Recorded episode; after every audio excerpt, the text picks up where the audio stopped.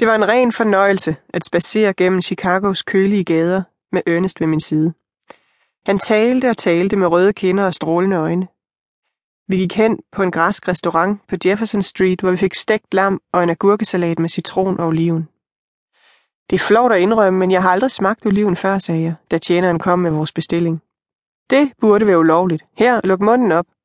Han anbragte den på min tunge, og da jeg lukkede munden om den olieglatte og salte oliven, kunne jeg mærke, at mine kinder begyndte at blusse. Ikke bare fordi den smagte så skønt, men også på grund af den intime gestus, hans skaffel i min mund. Det var det mest sensuelle, jeg havde oplevet i umindelige tider. Nå, sagde han utålmodigt. Jeg er vild med det, sagde jeg, men jeg har hørt, at de skulle være en smule farlige at spise. Han smilede og så anerkendende på mig. Jo, en smule. Hvorefter han skovlede et dusin i sig, den ene efter den anden. Efter middagen gik vi et stykke under højbanen med kurs mod den store mole, der hed Municipal Pier. Han talte i et væk om sine fremtidsplaner, alt det han drømte om i livet, og alle de digte, noveller og udkast til større ting, han brændte efter at skrive. Jeg havde aldrig før mødt nogen, der i den grad vibrerede af liv. Han var som lyset, konstant i bevægelse et sted hen. Hans krop var aldrig i ro, og det samme gjaldt åbenbart hans hjerne. Da vi nåede hen til molen, spacerede vi langs den, hele vejen ud til sporvognens endestation. Vidste du, at de havde barakker og røde korsfolk herude under krigen? Jeg arbejdede som ambulancefører for Røde Kors over i Italien. Krigen føles meget langt væk lige nu, synes du ikke? Nogle gange. Der dukkede en fure af bekymring eller tvivl op i hans pande. Hvad lavede du dengang? Jeg gemte mig mestendels væk. Jeg sorterede bøger i det lokale biblioteks kælder. Senere har jeg fået at vide, at en del af dem blev afskibet til vores udsendte tropper. Det er pudsigt. Jeg bar de bøger rundt og delte dem ud, sammen med chokoladestænger, breve, cigaretter og bolcher. Vi havde et forsyningstelt, men nogle gange tog jeg ud til fronten midt om natten, på cykel. Kan du se det for dig? Sagtens. Det var en ramponeret rød cykel, ikke?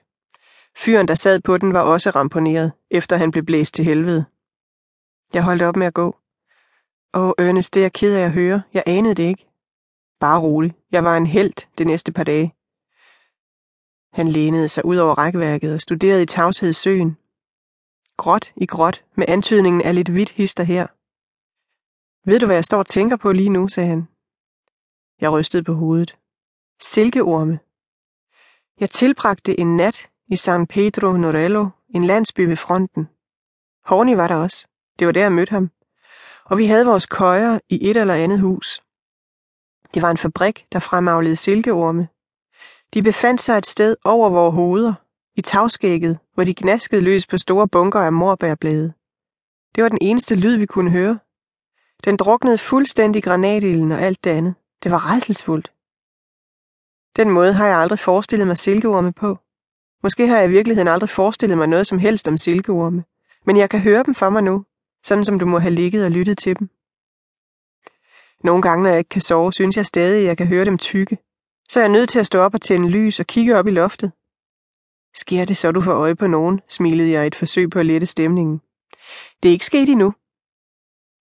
Vi styrede væk fra de mange forretninger med lys i vinduerne og begyndte at gå hjemad.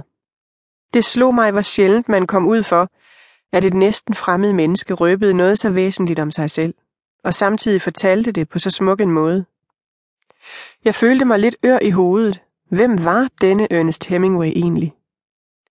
Pludselig holdt han op med at gå og vendte front mod mig på fortoget. Hør her, Hash, du har ikke tænkt dig at løbe væk fra mig, vel? Jeg er ikke den store atlet.